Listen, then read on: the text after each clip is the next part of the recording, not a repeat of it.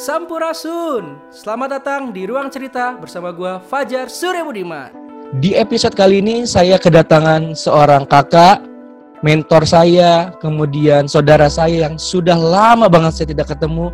Terakhir saya ketemu dengan beliau itu di 2017 pada saat saya masih berangkat ke Papua, bolak-balik ke Papua dan beliau ini adalah seorang pilot dari uh, Trigana Air Beliau juga adalah seorang pengusaha kopi yang melestarikan kopi Wamena. Nah, penasaran seperti apa uh, beliau hari ini akan bercerita tanpa panjang lebar. Saya sambut kakak Denny Jigibalo.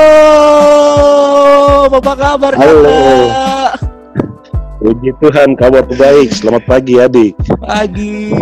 Sudah lama ya baru jumpa kita nih. Itu lagi. Salam dari timur. Oi, hormat. Wah, wah, kinaonak. Salam buat semua. Iyo kakak. Salam sehat selalu dari Amin. kita dari timur sini buat semua teman-teman di mana pun berada.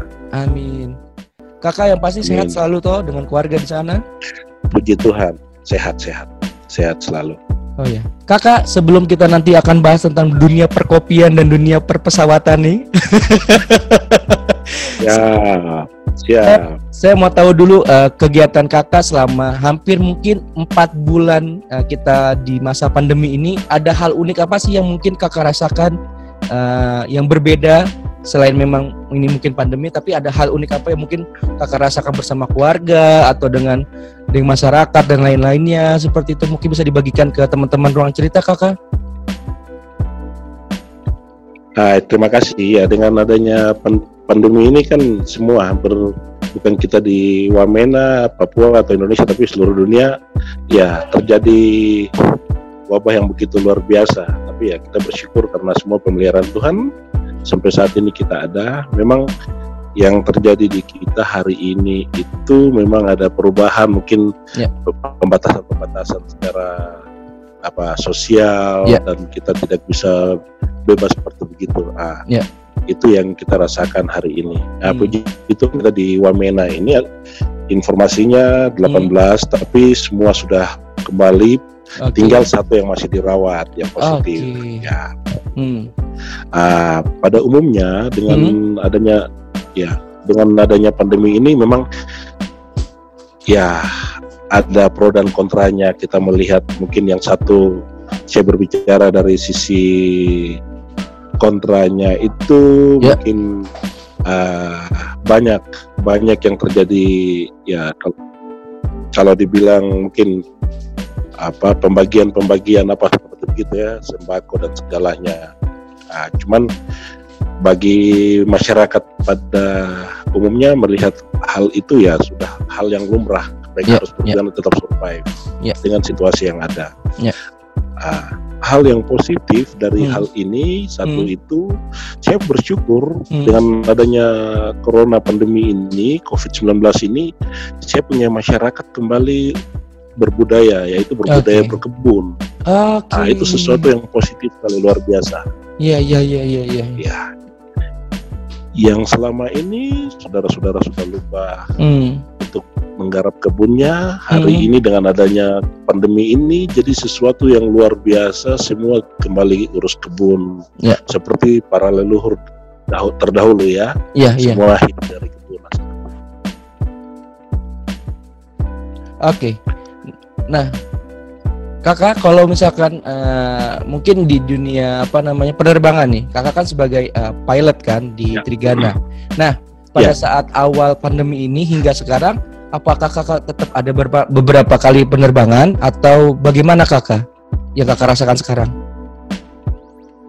Uh, saya kebetulan pas terakhir sebelum setelah awal pandemi saja saya terbang satu, satu minggu ya. Oke. Okay. Setelah itu ya kita terbang. Setelah itu hmm. tetap masih pelayanan, cuman lagi off selama hampir tiga bulan ini saya off tidak scheduling karena memang satu ya kita di sini dibatasi tidak boleh yeah, iya. aktivitas yeah. mas daerah-daerah yang sudah memang di PSBB ya. Jadi yeah. kita cuman hanya berapa tempat yang kita layani. Oke. Okay. Uh, terus pada umumnya kita biasa layani kan penumpang dengan kargo cuman karena Hmm. tidak ada pergerakan apa manusianya akhirnya Ya. tidak ada penumpang yang kita layani full kargo Full kargo kargo. itu pun yang kita angkat paling bantuan ya paling kita angkat itu ya bantuan ya seperti sembako dan segalanya gitu. Oke. ya memang ada terjadi ya terjadi banyak apa kita punya jam mungkin satu hari paling Iya. dua tiga jam yang kita terbang Mm. pada awalnya kan bisa 5 sampai tujuh jam Oke. Berarti awalnya bisa 5 sampai 7 jam, sekarang karena memang jadi sepi, ini sepi ada ada pengurangan ya Kak, pengurangan jam penerbangan ya Kak. pengurangan ya bahkan sehari juga kita tidak tergantung kalau ada muatan kita terbang kalau nggak ada ya kita standby di mes Oke. Kakak mohon izin, saya mau tanya kan kakak ini memang kan eh, di Trigana Air kan lebih banyak ke eh, mengangkut penumpang atau ha- eh, penumpang juga, kargo juga iya. Sejauh ini se- se- sejauh ini yang kakak apa? Se- kalau sejauh ini kebetulan saya terbang itu dengan pesawat uh, Twin Otter. Kita layani daerah-daerah yang restricted area yang terbatas. Mungkin pesawat berbadan lebar tidak masuk. Kita Iya, iya. Twin Otter. Saya terbang pakai Twin Otter. Hmm. Kita masuk di daerah-daerah yang ya daerah pemekaran baru kabupaten itu Iya, memang uh, apa namanya di situ kita angkut ya ada penumpang ada kargo jadi semua Hmm. yang memang satu-satunya transportasi saat ini kan lebih banyak menggunakan udara Iya, iya. jadi kita hampir semua apa pun kita layani Oh. baik itu kargo dan penumpang Oke. Kakak, boleh dong Kak, Kakak cerita ke kita suka dukanya Kakak selama uh, uh, melakukan penerbangan atau melayani uh, masyarakat Papua utamanya di pegunungan. Pasti dong Kakak suka dukanya mungkin apakah sering mengalami cuaca yang kurang karena kan mungkin kita tahu bahwa uh, di pegunungan kan banyak sekali kadang-kadang kan cuacanya kita mengikuti cuaca ya Kak. Kalau misalkan mener- penerbangan atau apa gitu-gitu. ya Ada nggak suka duka yang mungkin kakak alami selama hampir mungkin udah hampir 10 tahun lebih atau 15 tahun lebih di dunia penerbangan kak yang bisa di-share ke Amin. teman ruang cerita ya terima kasih. Jadi eh, suka dukanya banyak suka dan banyak dukanya ya. Iya. ya saya cerita dari mana? Dari kalau dari dukanya itu Oh, duka dulu. mungkin ya suk eh dari dukanya dulu. Ya dan duka dulu. Dari duka dulu ya. Iya iya iya. Kalau kalau dukanya ya mungkin kita ketemu hambatan uh, cuaca. Tapi uh, sebenarnya itu bukan bukan duka sih itu ya di artinya dalam pekerjaan kita. Jadi kita tidak melihat bahwa itu sesuatu yang harus kita berduka kita layani. Iya, karena itu pilihan dari bagaimana kita memilih. Kita mau jadi sopir udara ya istilahnya pilot gitu. Iya. istilah saya sopir udara sih. Nah, jadi yang jadi yang saya kakak ini selalu kakak ini selalu merendah hati. Ya aduh amin ya kita harus gimana pun kita di mana ya jadi yang ke- saya melihat dukanya itu mungkin uh, kita tidak bisa layani mak- apa masyarakat secara maksimal ya Ya. terus artinya banyak banyak yang membutuhkan kadang-kadang kita melihat di lapangan kita masuk Hmm. Hmm. waduh kita punya pesawat Hmm. Punya kapasitas seperti begitu. Terus Hmm. masyarakat yang ingin keluar atau masuk itu banyak. Banyak. Akhirnya ya kita kita tidak bisa harus ada batasan. Dan eh, saya melihat sebagai anak daerah ingin ya kita layani semaksimal mungkin. Tapi kemampuan kita dengan fasilitas kita yang hanya se- segitu ya kita maksimalkan. Tapi ya luar biasa Hmm. kita bisa layani walaupun tidak tepat waktu. Iya. Kadang-kadang cuaca itu membuat ah, kita sudah siap dari pagi, tiba-tiba ada, waduh, tempat yang ke- kalian mau pergi ini masih mendung, masih hujan, masih begini. Waduh, Iya. kita ingin cepat selesai, ya Iya. itu dukanya di situ. iya iya Kita tunggu ya. Setiap orang pasti tidak mau tunggu kelamaan menunggu ya. Iya, Inginnya iya. cepat selesai. Iya. Ya di situ. Terus mungkin ya dalam pasar terbang ada trouble mungkin kita punya engine, engine eh, ya satu mesin ada feel begitu Hmm. ya akhirnya kita terbang dengan single engine kadang-kadang pikir Hmm. waduh ya secara manusia, waduh itu resiko saya harus hadapi. Tapi kita bersyukur di situ kita bisa melihat bagaimana uh, kemuliaan Tuhan bahwa Ya. kita mau sehebat apa pesawat secanggih apa, tapi kita selalu dilindung- dilindungi sama Tuhan. Ya. itu yang selalu kita melihat dari sisi itu. Jadi kalau sudah ketemu cuaca atau mesin seperti begini, ya satu hal kita prepare, Hmm. tapi semuanya kita serahkan sama Tuhan. Ya. Ya. Terus mungkin ada trouble satu trouble kalau sudah di daerah Hmm. eh, pedalaman, Hmm. begitu kita punya mesin trouble dan kita harus nginap ya, kita Ya. nginap sesuaikan. Ya mau Oke. tidur di gubuk kah atau di rumah masyarakat, Hmm. ya kita harus menyesuaikan ambil gitu ya. risiko itu, Iya, ambil, ambil risiko itu ya. menyesuaikan ya. Ya. Jadi tidak bisa wah saya kalau mungkin teman-teman yang terbang di airline dengan yang terjadwal yang ini wah pasti orang pada melihat wah ini gagah punya ini dijemput diantar tinggal di hotel Iya, tapi iya. kalau kita ya maaf kata mau tinggal di hotel saja ya Iya, tidak mungkin di daerah kampung tapi kita menikmati itu semua bahwa Iya. ya itu resiko dari pekerjaan Iya, iya, iya. ya kalau dari bagian yang sukanya itu Heeh. ya satu bangga Hmm. bisa layani dengan profesi yang ada bisa layani masyarakat di kampung Hmm. terus artinya banyak juga adik-adik anak apa generasi yang pingin sekolah Hmm. seperti kita untuk Hmm. jadi pilot Hmm. jadi profesi ini ya itu bersyukur Iya. terus eh, satu selama ini kita berpikir Iya. mungkin eh, hanya mungkin teman-teman dari luar Papua atau dari teman-teman apa orang dari luar negeri yang bisa Iya. jadi pilot sampai di daerah pedalaman karena ini kita tidak mungkin tapi satu kebanggaan bahwa Iya. kita juga bisa orang Hmm. Papua juga bisa Hmm. yang penting kita punya keinginan dan Iya. itu yang jadi semangat saya untuk selalu terbang di kampung-kampung untuk jadi motivator buat adik-adik di belakang kita supaya ya supaya mereka juga punya keinginan cita-cita untuk melayani masyarakatnya Iya, iya. seperti itu. Iya, iya. Wow, luar biasa banget. Salut saya sama kakak. Hormat sekali lagi. Hormat adik, Hormat. hormat hormat adik aduh. Kakak, kalau misalkan eh, pernah nggak kak, misalkan kakak atau atau enggak, misalkan saya balik pertanyaannya, kakak eh, ada hal yang sangat mungkin apa namanya dibilang hmm, berkesan. Ada nggak hal yang berkesan di mata seorang kakak Denny di selama kakak penerbangan eh, di Trigana Air yang mungkin apakah misalkan kakak nginep di daerah terus kakak dibawakan eh, eh, apa eh, makanan buat eh, kakak balik lagi penerbangan gitu atau misalkan hal-hal unik apa yang mungkin kakak rasa pada saat mungkin nginep di warga kah atau bagaimana yang mungkin sampai sekarang itu berkesan banget di mata seorang kakak Denny Jigi Balom hingga saat ini di dunia penerbangan. Iya, eh, yang sangat terkesan mungkin saat saya di Ilaga. Ilaga Oke. padahal itu saya waktu trouble engine saya trouble satu karena generatornya fail, Hmm. saya nginap di situ hampir dua malam. Oke. Ah.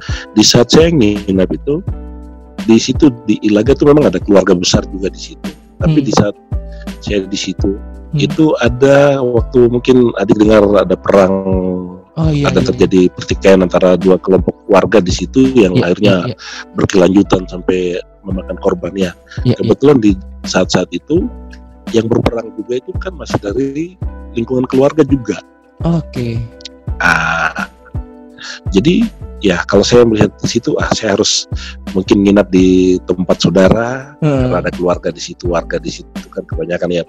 Begitu saya sampai terus saya tanya sama ada saya panggil Om, Om, Hmm. kira-kira saya bisa nginap di mana? Beliaunya katakan, eh kamu jangan nginap di rumah saya atau di ini karena kita lagi perang. Jadi Hmm. kok biar nginap di apa di orang yang perwakilan Trigana saja yang ada di Hmm. Ilaga, Gila gak? gitu? jangan di kita karena kita lagi perang. Wah Hmm. saya bilang ini keluarga ya. Saya bilang kenapa perang? Nah ternyata memang Hmm. Hmm. eh, saya tidak boleh di situ satu hal untuk saya di protect dilindungi Iya, dilindungi. Bahwa ini dilindungi sama keluarga. Ya. Terus jangan terlibat di situ karena nanti masalahnya panjang. panjang. Panjang iya. dalam arti eh, kalau mereka pas lagi perdamaian, karena saya juga libat di situ, saya harus bantu sumbang Hmm. apa ya artinya untuk perdamaian di situ. Iya, Nah, iya. Terus yang satu eh, mereka jaga supaya ya artinya mem- memprotek saya gitu. Iya, iya. Jadi saya terkesan, waduh, ini keluarga kita tahu, Hmm. mereka tahu saya ada datang di situ, tapi Iya. mereka cara mereka memprotek saya luar biasa yang saya tidak bayangkan. Hmm. Ya artinya kan kalau di mana-mana, wah sudah, ini kan saudara yang datang jadi ke rumah langsung Iya. nginep di sini sudah. Hmm. Tapi karena situasi hari itu seperti itu ya, Hmm. saya pun maklumi dan hal itu yang sangat terkesan saya. Sa- itu satu di Hmm. di Ilaga. Ilaga. Yang satu yang sangat berkesan, ya, yang satu itu di eh, satu itu di daerah Intan Jaya, Oke. Sugapa. Sugapa, Sugapa, ya. Ya, itu Sugapa ya. Adik mungkin sudah pernah ke sana atau sudah dengar Iya, itu. Saya ya, saya begitu landing Hmm. pagi-pagi flight pertama sekitar jam setengah delapanan saya sampai di sana. Ada bapak-bapak Hmm. datang. Karena dia lihat saya Hmm. datang terus salaman, selamat dia sapa saya, selamat pagi anak, apa Hmm. kabar? Saya bilang begituan, kabar baik. Hmm. Terus anak maaf, bapak mau tanya, Hmm. anak punya kampung di mana? Hmm. Ya saya. Hmm. Terus saya bilang bapak kampung saya itu Tio, Tiong. Diam. Hmm. Ah, beliaunya mundur sekitar sekitar empat malah dari pesawat. Hmm. Beliaunya menangis, Oh ya. menangis habis itu datang lagi semperin, iya mending terharu beliaunya. Hmm. Terus semperin saya lagi terus bilang anak terima kasih ya Tuhan. Hmm. Saya terharu, saya menangis, Hmm. saya bangga. Hmm. Ternyata jadi bapak ini ceritanya Hmm. baru setelah dia nangis dia datang baru dia mulai cerita kalau beliau itu kampungnya di Sugapa dulu sekolahnya tuh di kampung saya Tio dia jalan kaki Oke. dari Intan Jaya sampai di Lani Jaya itu perjalanannya hampir seminggu lebih Iya, kalau iya. orang yang kuat jalan ya orang kuat asli jalan. Ya, Iya, iya, kalau iya. kita ya mungkin Ah, saya pun ikut terharu karena Hah? satu hal saya terbang saja saya lihat gunung jalannya berkelok-kelok Berkelok. terjal-terjal curam begitu Iya. iya Iya. terus si bapak ini pergi di zaman 70-an hanya untuk mengaji, untuk sekolah karena saudaranya pernah eh, saudaranya itu guru di kampung saya Hmm. jadi dia pun sekolah itu sekolahnya sekolah SD loh di kampung saya di Iya, Tiong di Tiong. itu artinya luar biasa. Eh, yang hari ini ya kita terbang saja kita masih melihat eh, jaraknya medannya begitu. Yang dulu belum ada transportasi pesawat, mungkin Hmm. yang di yang ikut ya mungkin orang-orang tertentu ya. Iya, iya, iya. Nah itu yang sangat berkesan sekali selama Hmm. karir saya saya terbang saya lihat di situ dua hal itu yang terkesan Hmm. dan hampir setiap tempat yang saya masuk Hmm. itu ada keluarga. Jadi kadang-kadang teman-teman pilot yang lain, loh kok kamu orang Lanijaya tapi ada keluarga di Mulia, ada di Ilaga, ada di Nduga, ada Nduga, di sini. Saya bilang ya, ya kalau kita mau cerita itu nanti ceritanya panjang, tidak bisa kita sambil kerja cerita. Nanti ada waktu kita duduk ngobrol. gitu. Itu yang terkesan dalam karir saya setelah ini. Kalau kita ngomong tentang Papua itu nggak ada habisnya, baik itu dari uh, eksotisme, Eh, apa, amin. keindahannya ataupun saya mengalami banget bahwa masyarakat Papua itu sangat apa ya welcome ya kakak, tidak memandang dia bukan orang Amin. Papua, Amin. dia orang Amin. Papua dan waktu itu pas aku jujur sih kak, pas aku pertama kali ke Ya. Papua kan waktu itu pertama kalinya ke Papua Barat kan, ke, ke daerah pesisir, terus kemudian aku Ya. aku turun ke daerah Papua pertama kali aku itu ke Wamena itu luar biasa banget penerimaan Ya. penerimaan eh, masyarakat asli Papua dalam artian teman-teman di Papua di Wamena itu juga kau kau seperti saudara saya sendiri seperti itu. Meskipun kau bukan asli Papua tapi saya menganggap kau itu apa seperti anak. Dia, dia apa me- me- Ya, menyebutnya anak, ya, ya, anak. pasti. kau itu seperti anak saya sendiri seperti dan itulah yang saya sampai sekarang kenapa saya jatuh cinta banget sama Papua sama semuanya yang ada di Papua. Itulah mungkin yang membuat kadang-kadang kan orang Amin. Terima terlalu kadang-kadang kan orang terlalu mindsetnya, wih Papua orangnya galak ya gitu ya. Sebetulnya enggak loh. Hanya hanya casingnya aja bukannya galak, padahal sebetulnya hatinya tuh sangat mellow. Aduh, itu sudah. Melo, Melo seperti lagu-lagunya Rinto ya. itu. anyway, kakak, kita bahas bahas bahas yang selanjutnya. Siap. Kakak ini kan sekarang uh, Oke. fok- fokus juga untuk mengangkat uh, kelokalan kopi ya kan yang di mana kakak uh, Ya. sekarang tinggal di Wamena kakak juga mengangkat tidak hanya kopi Wamena tapi kopi Tiom kopi uh, berbagai uh, kopi di, di di di Papua kakak angkat gitu kan kenapa ke seorang uh, kakak Denny uh, mengangkat kopi kembali untuk diperkenalkan ke masyarakat lebih luas utamanya tidak hanya di Papua tapi juga nanti bisa di- di- dinikmati oleh teman-teman di luar Papua gitu kan. Amin. Terima kasih. Ya, jadi kalau istilah saya itu eh, buah kopi, buah sahabat. Jadi eh, di sini kopi ini ya memang saya kalau saya ini keturunan dari kakek saya itu sudah jalankan itu. Iya.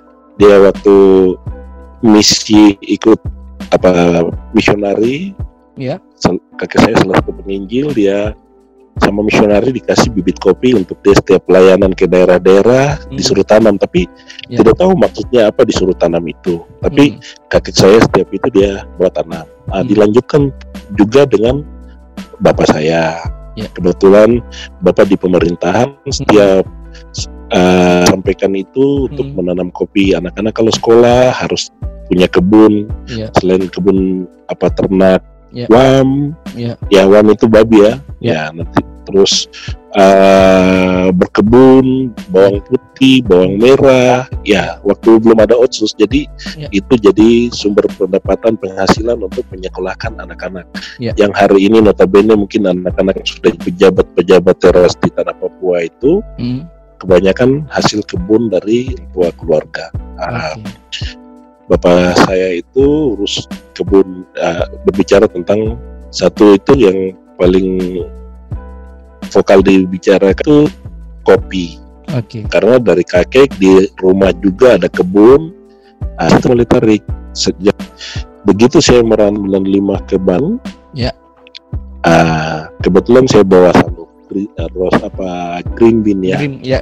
ya untuk memperkenalkan ini teman-teman Hmm. ini kopi ke- ya terus tanya ini dari Wamena tapi saya di Tiom kampung distrik Tiom jadi ini dari kampung saya Hmm. gitu ah itu 95 sampai jadi ya syukur karena dengan kok ini setiap Hmm. itu ketemu teman suka Ya. akhirnya banyak teman juga gitu Itulah. ya Kakak, tapi aku mau ah, tanya deh kak. Kakak mau tanya deh. setelah saya pulang Enggak, enggak, maaf, maaf, maaf, maaf, mohon maaf. Eh, boleh nggak dilanjut kak? Sorry, sorry. Oke, ah, saya lanjut sedikit ya. Jadi dari situ saya pulang ke Wamena. Saya kelahiran di Tiom tapi tinggal saya di Wamena. Jadi ya kita semua dari Wamena di sini. Saya mulai coba lagi memperkenalkan. Kalau keluar saya sudah tahu teman-teman sudah suka. Ya. Bagaimana mereka semangat lihat karena Ya. ah, kopi dari kita organik. Ya. Ya itu yang mereka suka akhirnya saya coba memperkenalkan di lokal sini ke beberapa teman-teman juga adik-adik juga yang Ya. punya usaha kopi baik di Oke. Wamena di Jayapura dan beberapa daerah di Papua Oke. ya cuman memang kenapa sampai hari ini saya geluti itu karena saya lihat Hmm. sesuatu yang luar biasa komoditi ini Hmm. unggulan tapi Hmm. tidak diseriusin dianggap ini cuman hanya tanaman biasa saja Ya. dan tidak ya secara nilai ekonomi di masyarakat itu belum sebaik petani Hmm. artinya kalau kita mau lihat hari ini Hmm. petani ya kita suruh mereka untuk usaha kopi tapi harganya belum baik di kalangan mereka artinya harga beli green bean gahnya itu belum Hmm. seperti begitu Hmm. akhir ya kita bisa Gimana kak? halo Iya gimana? ya saya lanjut beritanya Iya lanjut ya siap. saya lanjut ngobrolnya ya, Ya. jadi saya lanjut belum belum saya masih lanjut lagi nih Ya. ya jadi ya ini karena masalah kopi ini eh, sama seperti kita menikmati cita rasa kita jaga kualitasnya Iya benar. bukan saya punya yang terbaik dia punya yang baik Nah, ini yang saya mau edukasi kepada semua teman-teman siapa Ya. Ah, ya saya syukur karena Ya. ya di- dengan kopi ini saya mulai serius itu di tahun 2017 sudah Oke. sampai dengan artinya dulu saya cuman memperkenalkan tuh green bean-nya doang Oke. cuman setelah 2017-18 itu sudah coba dengan roast, roast bean dan bubuk Hmm. akhirnya saya bikin apa saya punya brand itu yang namanya Tiom Oke. Ah, ini adik ya adik dan teman-teman harus eh, tahu bahwa Tiom itu bukan nama tempat, tapi saya pakai bahasa daerah semua, bahasa Oh. daerah saya terutama itu bahasa Lani. Oke. Tiom yang yang dalam arti Hmm. yang artinya saat ini, Oke. saat ini. Ah, di itu yang di tulisan Tiom saya bikin di Honai, tapi Hmm. bijinya biji kopi. Nah, itu filosofinya bahwa segala sesuatu kita harus bercerita dalam honai. Honai yang dalam arti honai kunume atau pilamo. Itu Oh. honai laki-laki yang kita Ya. berbicara untuk ya di situ. Nah, jadi kita sambil menikmati kita punya hasil kebun kopi ini kita sambil duduk cerita apa pun di dalam pilamo itu. Itu ajakan saya seperti begitu. Ya. Karena yang tadi adik bilang Hmm. kok saya dari luar datang ke sini orang bicara ini tapi terkesan adik yang adik sampaikan bahwa saya dianggap sebagai saudara sebagai anak Iya. Nah, inilah yang seharusnya teman-teman atau siapa pun itu yang saya punya ini selalu saya bilang selain buah kopi buah sahabat yang satunya datang duduk dengar bicara baik artinya ini yang harus siapa pun biarpun kita mau seorang petinggi atau masyarakat atau apa pun dia punya derajat itu sama tapi datang ke Honai kita duduk datang Ya. kita salam kita Ya. berbi- bercerita ya kita sal- saling memperkenalkan Bapak saya ini anak dari sini saya datang cerita dengan Bapak maunya begini nah itu yang saya sebut datang duduk dengar bicara baik seperti Oke. begitu adik Ya, Ya. datang, duduk dan bicara dengan baik. dengar datang duduk Duduk. dengar bicara baik Baik. ya Ya. ya Tuh dan kan? itu Ba- itu kayaknya Kalau ngomong Papua nggak ada habisnya. Ya. Gimana kakak? Tadi ada lanjutin lagi? ada ada. Ada. Yang saya mau lanjutkan lagi tadi itu begini adik Eh, tadi yang adik masih bilang kenapa sampai saya bergelut di kopi? Apa seperti Ya. begitu. Tujuan tujuan saya itu ya karena saya bukan harus lebih saya tidak menonjolkan bahwa kopi terutama karena saya punya eh, br- brand sudah ada yaitu Tiom jadi saya yang lebih baik dari saya punya teman-teman yang lain tidak. Tapi Tiom ini sebagai contoh untuk bagaimana siapa pun mau datang ambil kopi di tanah Papua dia harus sebut. Hmm. karena harus punya brand lokal juga keluarga supaya mereka tahu oh kita dihargai. Ya. hari ini kan ada salah. Ya. salah penelusuran begini bukan salah tapi orang teman-teman yang ambil green bean nggak pernah sebut uh, spesifik lokasinya Ya. artinya ini hanya sebut kopi Wamena Iya. padahal Wamena itu kan cuma nama ibu kota padahal Ya. kan ada kampung di Kampung. seputaran Wamena yang punya kebun Iya, iya, iya. punya warga. Nah, sedikitnya angkat nama kampung atau nama peng- apa petaninya. Ya. Ini kan se- ibarat kita mengangkat supaya masyarakat itu semangat untuk lebih serius mengurus Ya, kebunnya. itu Ya. Ya. Ah ini yang saya buat brand seperti begini bukan mosok eh, modern mosok ini tapi bagaimana kita tertib. Ya yang tadi istilahnya saya ada sebut datang duduk bicara baik. Berarti kan kita datang bapak permisi. Hmm. bapak punya kopi ini bagus. Kita mau begini tapi mungkin kita nanti tulis bapak punya nama kah? Bapak punya kampung kah? Ya, bapak ya, punya kelompok kah? Nah, ya, ya. ini yang perlu kita sampaikan hal-hal begini adik Benar, benar, benar, benar, benar. Kakak, Ya. saya, saya mau tanya, di yang kakak Siap. angkat tadi kan eh, lebih kepada eh, kopi tiom gitu kan. Nah, di kakak sendiri ada Ya. berapa macam kopi sih kak yang yang diangkat eh, ke ke masyarakat dan yang di di di apa di ya diangkat untuk diperkenalkan kepada masyarakat pada umumnya? Ah, jadi kalau di kita kebe- kebetulan di daerah pegunungan Ya. di Papua ini hampir semua itu eh, kopinya itu jen- berjenis Arabica ya Arabica ya. karena dia di atas ketinggian 800 ya Arabica di sini ada berbagai tipe ada yang tipika ada linies ada kartika Hmm. Ah, cuman itu ya nama klasifikasinya tapi Ya. kalau hampir cita rasanya itu sama itu Arabica Oke. Ah, jadi prosesnya itu kalau saya hari ini Hmm. kembali ke masyarakat karena si lokasinya. Kalau dia mau prosesnya natural, yaitu dia jemur dengan hanya kulitnya jadi cerinya setelah dipetik karena Ya. tidak punya peralatan tidak punya peralatan untuk apa Hmm. namanya untuk pengupas apa cerinya akhirnya dia harus jemur langsung dengan ceri. So, tapi memang agak lama keringnya. Ya, ya. Ah itu natural proses Hmm. sama uh, full wash itu Ya. kalau dekat air dan punya alat untuk pengupas itu full wash Ya. sama uh, full wash sama satu honey proses Hmm.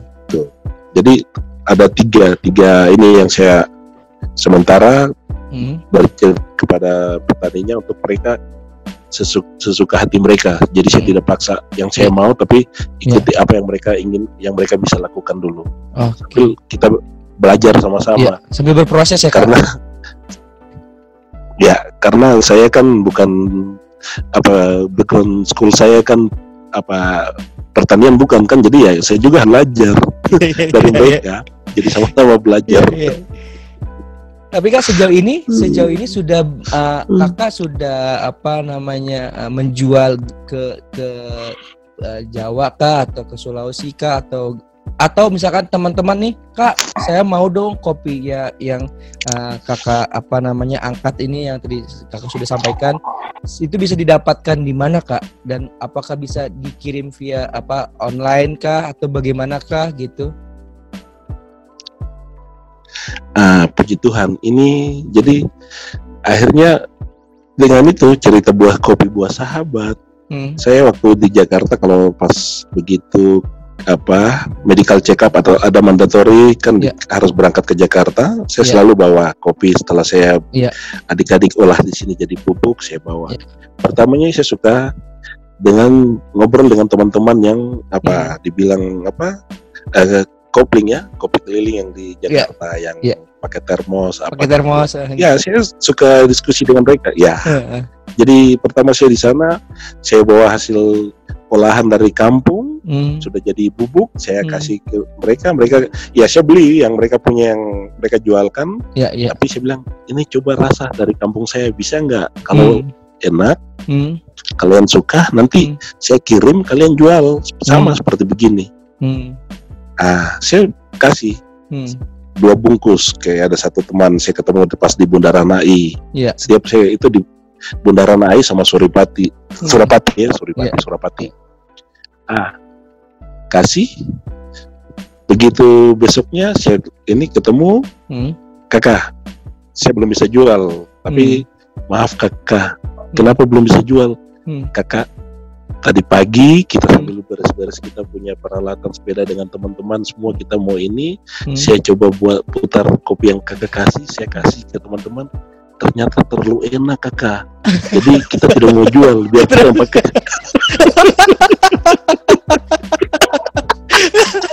Aduh, terlalu enak kakak.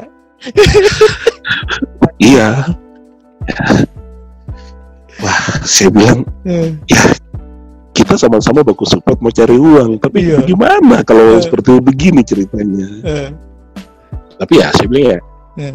tidak apa-apa saya saya memperkenalkan artinya bagaimana Ya. saya tidak tidak ada batasan untuk menikmati kopi kita yang Ya. kita dapat itu mau Hmm. siapa saja jadi Hmm.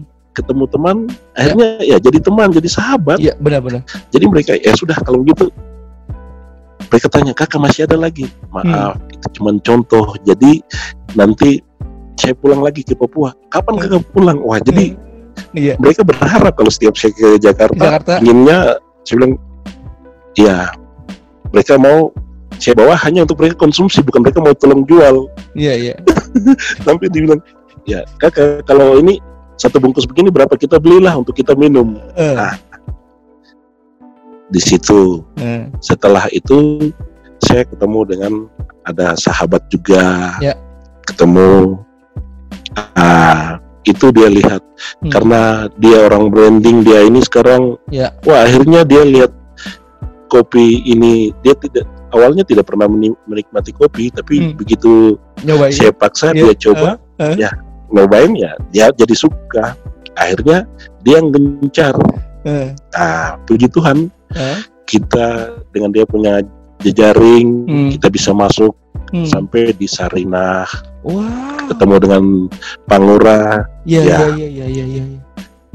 ya ah, tadi kita sampai ketemu dengan teman yang di Jakarta Ya. ya bahwa saya ketemu dengan Pangura di Sarinah Rina. nah di situlah tempat bagi ya Sarinah itu window of Indonesia ya Ya, ya. Saya kira dulu Sarinah tempat kita nongkrong-nongkrong waktu kuliah saja ternyata itu salah satu BUMN yang punya Iya. fungsi yang sangat vital ring satunya Republik ini gitu. Betul, betul. Saya juga tidak tahu toh. Hmm.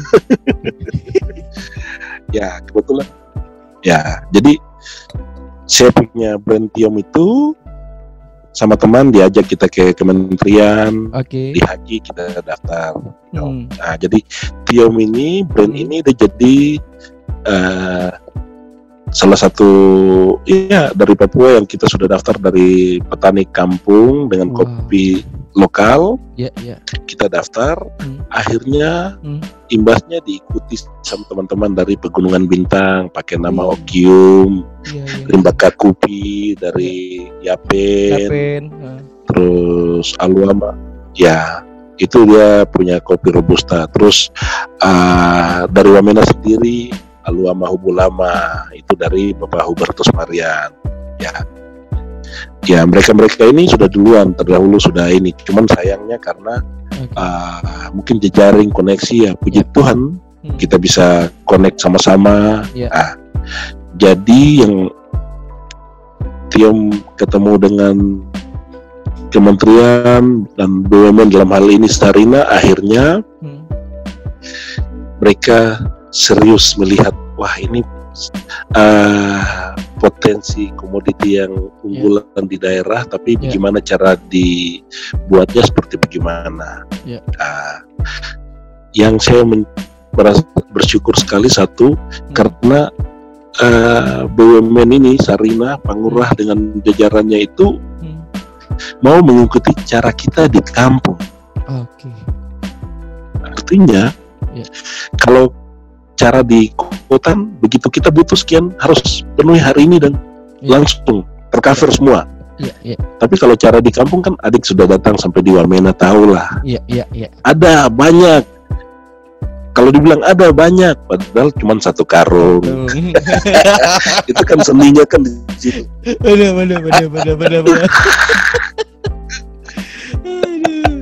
ada adik adik saja sudah banyak di belakang situ iya Ya. satu karung ya Ya. satu karung itu Hmm. ada banyak ah terus dengan teman-teman ini mereka pas ada jalan-jalan keluar Ya. ke Sakagayo Jepang Hmm. eh memperkenalkan kopi kita Wah. brand dari Tiom itu wah Hmm. Ini organik luar biasa. Langsung bilang ada nggak per dua Hmm. minggu tiga ton? Hmm. waduh. Begitu teman sampaikan. Eh, "Weh, Pak Cedeni eh. ini dari Sakagayo Jepang ini dorong sudah minta bisa ekspor 3 ton. Aduh jangankan 3 ton. Eh. 30 kilo saja kita harus tunggu. Iya iya iya. Tapi itu itulah salah satu keunikan yang mungkin nggak nggak terjadi di di daerah lain kak. Hanya ada di Papua kak seperti itu kak. iya luar biasa Benar. ya jadi Hmm. dari situ berlanjut akhirnya Hmm. kita pun diperhatikan sama teman-teman ya jadi ini Ya. kita secara birokrasi itu pemerintah dan Ya. BUMN tapi Ya. secara ini itu sah Oke. kita karena semua mau jadi ya apa kita kita orang di kampung Ya. kecil Hmm. tidak di ini tapi kita punya sahabat-sahabat punya Ya, posisi kedudukan dalam jajaran pemerintah maupun BUMN Ya, itu yang kita syukuri di situ Hmm. dengan sahabat ini kita punya ya Tuhan hadirkan sahabat-sahabat ini Ya. untuk mengangkat kita punya komodi yang di Ya. daerah komodi terlokal Ya. nah ini pun diikuti dengan Hmm. diikuti dengan beberapa Hmm. beberapa daerah di luar Papua masuk Oke. NTT Hah? dia punya komoditi juga Oke. dari Alor Oke. terus dari Bogor Jawa Barat dari Bogor juga ikut gaya Oh, kita ya? di kampung Wow. ya Ah, terus ini karena kita mengangkat ya hmm. yang saya pakai tiom semua itu saya pakai bahasa daerah ditanya Hmm. kenapa dia ini pakai bahasa daerah Hmm. Hmm. ya katanya disuruh cinta bud- Budaya. budaya Eh. terus kenapa kita harus pakai bahasa lain iya saya kan harus mempertahankan saya punya Iya. bahasa, saya Bahasa. punya tradisi saya punya Iya. budaya Setuju setuju. kalau ya kalau saya pakai bahasa lain ya saya harus saya harus jadi orang yang harus mengerti orang lain tapi sampai kapan orang harus mengerti saya Ya. Bahasa saya saja nggak mau dipahami iya kan Iya. iya. Ah, itu tapi ya, Ya. saya bersyukur karena Hmm. uh, Sarina ini merespons dan saya hanya kirim ke mereka itu per 5 kilo Oke. Tidak banyak. Tidak banyak 5 kilo ya. 5 kilo tapi mereka yang nanti distribusi Masuk. jadi kalau teman-teman Hmm. yang mau ambil Hmm. silakan ambil di Sarina Oh, Dan- oke. ya oke tapi ini dengan sahabat-sahabat mereka Hmm. menambah titik koma dan ini akhirnya kita kampung kita sudah jadi kita sudah bisa kerjasama juga dengan Hmm. penerbangan Citylink kita bisa kirim dari Jayapura ke luar Papua Wih, keren. Ya.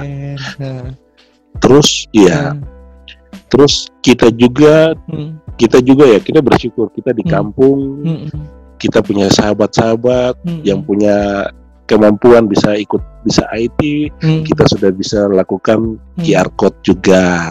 Ya Wih, nantilah saya kayak adik kita punya iya, QR iya, code iya, kita iya, belajar bagaimana iya, kita keren, keren, keren, keren. punya ini. Ya jadi ya jadi dengan kopi ini Hmm, ketemu sahabat-sahabat yang luar biasa. Hmm, ternyata mau mendukung kita punya hasil komoditi dari kampung. Hmm.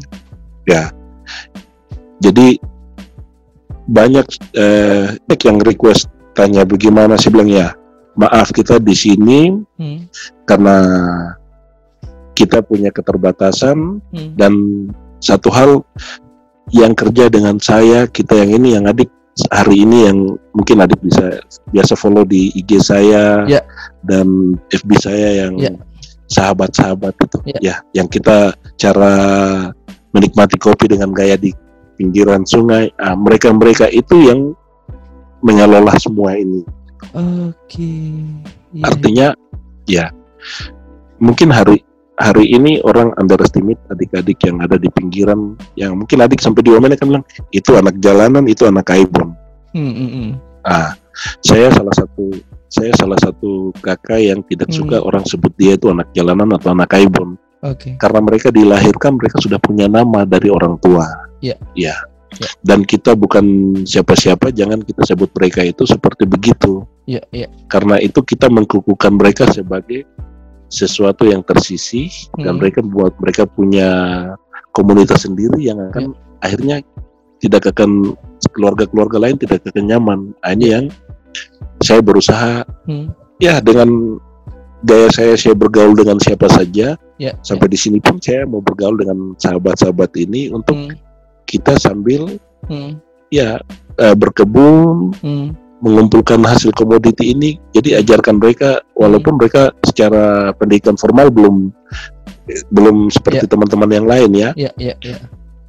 tapi belajar bagaimana kembali secara Hmm. budaya kerjasama Hmm. Hmm. hmm. kegotong royongan ini yang Ya. perlu kita angkat seperti begitu adik Iya, iya.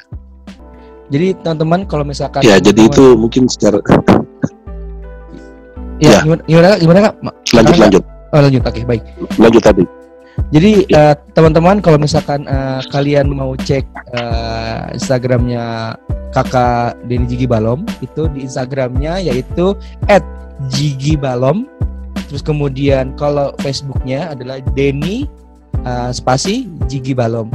Nah yang yang menarik juga Ya. yang, yang pernah eh, kakak Denny posting yaitu kalau nggak salah di sekitar tanggal 20 Juni beliau memposting tentang eh, tentang proses eh, apa namanya manual uh, roasting yang dilakukan oleh teman-teman adik-adik sendiri di di, di Papua gitu kan. Kemudian uh, kisah-kisah uh, Iya. ya bagaimana kakak juga bercerita juga tentang apa namanya uh, uh, apa namanya tentang kopi melalui kopi kakak bercerita kemudian juga banyak banget Kak- memang kakak banyak melibatkan adik-adik uh, di sana gitu kan untuk apa uh, memproses kopi Ya. tiom itu sendiri orang-orang hebat seperti itu. Ya. Nah, jadi teman-teman sekali lagi kalau emang buat kalian pengen uh, pesan ataupun uh, misalkan kalian berada di Jakarta bisa dipesan di Sarinah ya kak. Kalaupun misalkan kalian juga pengen Ya. uh, DM langsung uh, ke Denny ataupun chat langsung ke Denny juga boleh ya kak. Nanti aku sekali lagi promosiin boleh Instagram- boleh Instagramnya Kak Denny itu di boleh Balom siap ataupun Facebooknya di Denny Gigi Balom. Jadi kopi Tiom ini adalah kopi Ya. asli uh, yang dibuat langsung oleh adik-adik kita yang kita sayangi di tanah Papua gitu ya kak. Dari sini di sini Amin. juga di sini juga tuh kakak kakak apa kakak hmm, kakak Denny juga memperlihatkan bagaimana adik-adik dari proses uh, awal bijinya hingga sampai pepek- packingannya itu di, di, di semua di share di situ dengan kakak Denny juga sebetulnya apa adalah fotografer yang aku bilang sangat keren banget nih. Pilot iya pengu- pengusaha kopi iya fotografer juga pemandang kakak Denny hasil hasil fotonya foto-foto pemandangan semua. Kalau kalau dibilang di Papua tuh kita salah foto aja udah keren apalagi apalagi bisa foto gitu. Waduh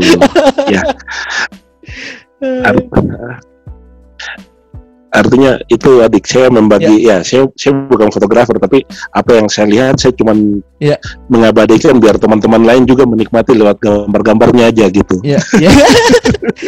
Ya. Aduh. oh ya tadi yang kakak Kak Denny juga bilang ya yang Kak Denny kan eh, mengembangkan apa komoditas kopi ini lewat eh, teknologi QR code juga ya. Waktu itu kan kakak menjadi salah satu pembicara ya. yang membahas tentang buah kopi buah sahabat eh, dengan beberapa narasumber juga Betul. gitu kan kemudian eh, intinya banyak lah yang Ya. teman-teman kakak Denny. Jadi please teman-teman yuk kita support eh, lokal brand. Eh, kalau ada lokal brand yang bagus ke- kenapa nggak kita support gitu loh? Karena kalau kalau teman-teman Papua Ya. sering bilang kal- kalau bukan kita orang siapa lagi dan kalau bukan sekarang kapan lagi kita mau melakukan aksi ini? gitu loh. Iya Karena kita membantu bukan Betul. hanya bukan hanya membantu untuk uh, dalam usaha kopinya ya tapi juga membantu adik-adik dorang juga untuk tetap semangat tetap mau dia mau mengeksplor kemampuannya dia, kreativitas dia. Karena kalau kita membeli dari dia juga atau dari teman-teman adik-adik semua yang di- adik-adik dorang di sana, mereka juga ter- terpacu terus ya kak untuk ayo kita bikin lagi lebih baik lagi memperkenalkan lagi Ya. Tiom ini lebih Iya, lebih masif seperti itu sih. Iya. Teman-teman. betul. Anyway kak, pertanyaan terakhir nih di ruang cerita edisi Iya. hari ini. Tapi berharap aku Kak Denny masih harus bisa ketemu lagi, bisa mau ngobrol lagi di ruang cerita di podcast. Siap, siap.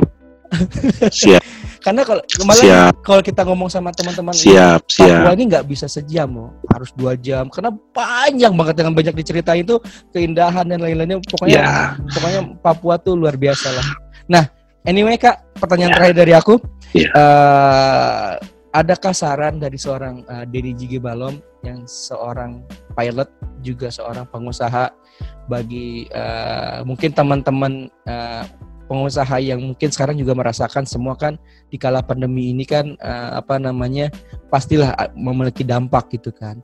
Tapi kan mau bagaimanapun kita harus tetap survive, tetap harus tetap berjuang gitu kan dengan kemampuan yang kita punya seperti itu kan. Kita nggak boleh apa namanya patah semangat ataupun eh, lemah gitu kan karena sejogjanya manusia itu eh, makhluk yang bisa beradaptasi. Nah, tapi dari seorang Denny Jige Ya. Balon sendiri ada nggak masukan atau saran buat teman-teman yang dia harus berjuang mencari nafkah di luar sama teman-teman yang memang memiliki privilege ataupun kesempatan bekerja di rumah sama orang yang masih bandel nih kak masih bandel di luar karena eh, apa namanya mereka bosen atau apa ada nggak hal-hal eh, inspiratif dari seorang Denny Jigi Balem yang bisa disampaikan ke anak-anak ataupun adik-adik semua yang di mana pun mereka mendengar podcast ruang cerita ini Oke. Ya. Jadi kalau dengan adanya pan ini kita sedang saya dengan beberapa teman-teman, sahabat-sahabat eh, kita sedang melakukan bagaimana eh, ya termasuk adik juga dan Ya. beberapa ini kita kita bercerita tentang ya kita bercerita tentang komoditi yang ada. Saya cerita tentang kopi.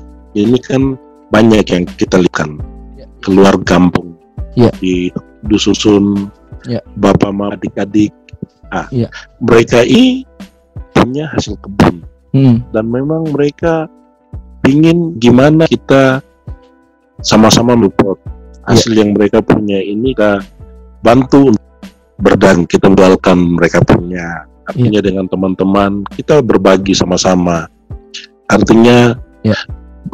yang mana untuk bagian dari keluarga di kebun ya kita yang mengelola sebagai sudah jadi ini kita bisa distribusi Ah, bahkan kita bisa libatkan hari ini kita akan bercerita mungkin teman-teman yang rumah punya isi eh, punya ini sebagai seniman-seniman atau yang suka butuh panggung lah untuk menyanyi tapi kalau tidak belum punya panggung belum bisa kumpul-kumpul ya tolonglah menyanyikan menyanyi apa menyanyi buat saudara-saudara di kebun Ya. supaya mereka semangat Ya. dan mereka juga melihat bahwa pandemi ini bukan sesuatu halangan untuk Ya. menutup mereka berkreativitas tapi bekerja tapi ini untuk membuat mereka semakin termotivasi. Hmm. Ah. Orang di kebun Hmm. harus bilang suatu positif mereka kali urus semangatnya luar biasa. Ya. Nah, teman yang di luar jangan berkecil hati. Kita di sini kita saling support. Hmm. Mau hasil bumi kita Ya. kirim tuh Hmm. teman bisa Hmm. punya tetangga. Ya. Kita ibarat kalau kita saling membantu dengan menjual Ya. dengan harga yang layak bisa dijangkau oleh siapa pun. ya Jadi ya uh, kita membuka peluang untuk artinya uh, teman-teman merasa waduh kita sudah di rumah kita mau makan apa kita mau bagaimana tapi ada teman-teman yang kita bisa sama-sama saling support Ya. artinya ya yang tadi adik sudah bilang ah follow dengan kakak Denny punya IG dan kan melihat "Oh, ini ada taruh kopi selain kopi mungkin ada apa ubi kah Iya. sayur kah Sayur kah? mungkin ada yang butuh kita bisa kirim nah itu teman-teman bisa olah dari bahan mentah Ya. bisa jadi bahan jadi untuk di mana ya Ya. semua punya skill, punya kemampuan yang Hmm. Tuhan ada kasih. Bagaimana Ya. kita memanfaatkan ini Hmm. sebaik walau kita di rumah kita Ya. tidak beraktivitas bebas. Ya. Ah, kalau untuk teman ini masih berlalu lalang, tolong di jalanan mana-mana sudah tidak seperti dulu yang kita dapat. Hari ini kita harus kembali, kita harus saling mensupport teman-teman. Jadi hilangkan rasa ego, rasa gengsi. Kita sama-sama Hmm. istilah para leluhur dulu gotong royong itu Ya. kita sudah mulai kembangkan mulai hari ini. Ya. Gotong royong tidak memandang saya gengsinya saya karena punya profesi begini, tapi Hmm. bagaimana kita gotong royong untuk menikmati hasil secara bersama-sama. Ya, Oke. Wow, luar biasa banget Iya. obrolan hari Iya. ini. Tunggu hari Minggu yang begitu luar biasa buat saya. Karena Hormat. selain sama-sama adik, luar selain- biasa. Selain temu kangen juga secara virtual, tapi juga saya mendapat kembali eh, siraman, Waduh, itu siraman, siraman apa namanya motivasi dari kakak seorang Denny Jigi Balem yang memang eh, kembali lagi ya eh, kita kalau nggak bersama-sama Ya. untuk ataupun tadi eh, leluhur sering bilang kalau kita nggak gotong royong untuk eh, menyelesaikan ini pandemi ataupun kita tidak bersama-sama eh, bergotong royong untuk membantu lokal brand juga kita nggak akan maju dalam artian nggak akan selesai juga nih Ya. pandemi kalau kita sama-sama bergotong royong saling membantu sekecil apa pun misalkan kalian dengan membantu di post ataupun meng, Ya. me- menge-like men-share lagi ke teman-teman lainnya ya, Ih ternyata ini ada kopi bagus lagi ini itu dari sang udah itu hal kecil yang bisa kalian bantu buat uh. Teman-teman uh, lokal brand yang ada Iya. di mana pun kalian berada dan teman-teman lokal brand yang mungkin juga masih baru atau gimana tetap harus tetap semangat belajar jangan pernah pantang menyerah untuk belajar karena karena di karena sampai kapan pun mau kita umur masih muda ataupun sudah uh, senior gitu kita tetap harus tetap belajar Amin. dan juga tetap mau mendengar mau belajar dan Iya. juga mau uh, melakukan hal itu dan juga mengevaluasi uh, apa yang sudah kita kerjakan dan terus mem- memberikan yang terbaik buat negeri ini gitu. Sekali lagi Kakak Deni di, Kakak Deni nah, terima Iya. kasih banyak untuk waktunya. Sehat-sehat selalu buat keluarga. Hormat. Hormat. uh, saya ada satu satu lagu sepatah lagu nih yang kalau sering saya kenang kalau saya selalu kenang kalau misalkan di tanah Papua yang seperti ini. Eh, Aduh, mama lihat sapu hati sudah tinggal wah luar biasa. di gunung-gunung, lembah-lembah di Papua. Kakak Dedi juga malam terima kasih. Hormat. Hormat. Sehat-sehat Terima selalu. kasih, hormat, sama-sama. Jangan Sukses kapok. selalu. Jangan kapok dan Wah, tetap ah, lagi di lain kesempatan Kakak Dedi. adik, Ya. mungkin ada saya dari yang terakhir adik. Boleh, boleh, boleh, boleh, boleh. Ah, kita sudah cerita-cerita. Ya. Kita sudah cerita-cerita di sini, tapi saya harap Ya. kalau pandemi ini berakhir atau sudah ada PSBB-nya udah dibuka, saya Ya. berharap adik datang untuk cerita-cerita dengan sahabat-sahabat di sini. Adik Amin, bagian amin. dari sahabat-sahabat saya di di warung kopi sahabat kecil Pegasus kita butuh eh, inspirator-inspirator untuk jadi inspirasi buat adik-adik ini. Saya sendiri tidak cukup, saya butuh banyak teman-teman, sahabat-sahabat, adik-adik yang Ya. bisa jadi inspira- inspirasi, inspirator buat saya punya sahabat-sahabat. Mungkin mereka tidak bisa menjangkau keluar, tapi Ya. kalau kita bisa menjangkau mereka di sini dan cerita Ya. dengan mereka itu sesuatu yang luar biasa Betul, betul. kesan yang luar biasa buat mereka. Ya. Ya. Pasti, pasti, pasti, pasti. Doain, Mungkin doain, Kak. itu doain. jadi ya. Amin, Amin, amin, amin, amin. amin. Ya. Ya. Oke, terima Oke, kasih adik oke ya. kakak, terima kasih banyak. Eh kakak, oh iya satu lagi, kita ada tradisi Sama-sama. sebe- ada tradisi sebelum mengakhiri ini kita foto dulu, foto foto virtual. Oke, Oke, kita Oke. senyum dulu kak. oke. Oke yuk, siap kakak, yuk satu, dua. Yeay, terima kasih kakak, sehat-sehat selalu ya. Hormat, Terima kasih. Oke. salam buat keluarga. Dan ki kakak, dan Sama. ki. Sama sama keluarga. Yang wah, banyak. wah, wah. Tuhan berkati. Amin. Wah, wah. Hai, jangan lupa ya untuk like, comment, and subscribe channel YouTube Akang ya. Hatur nuhun.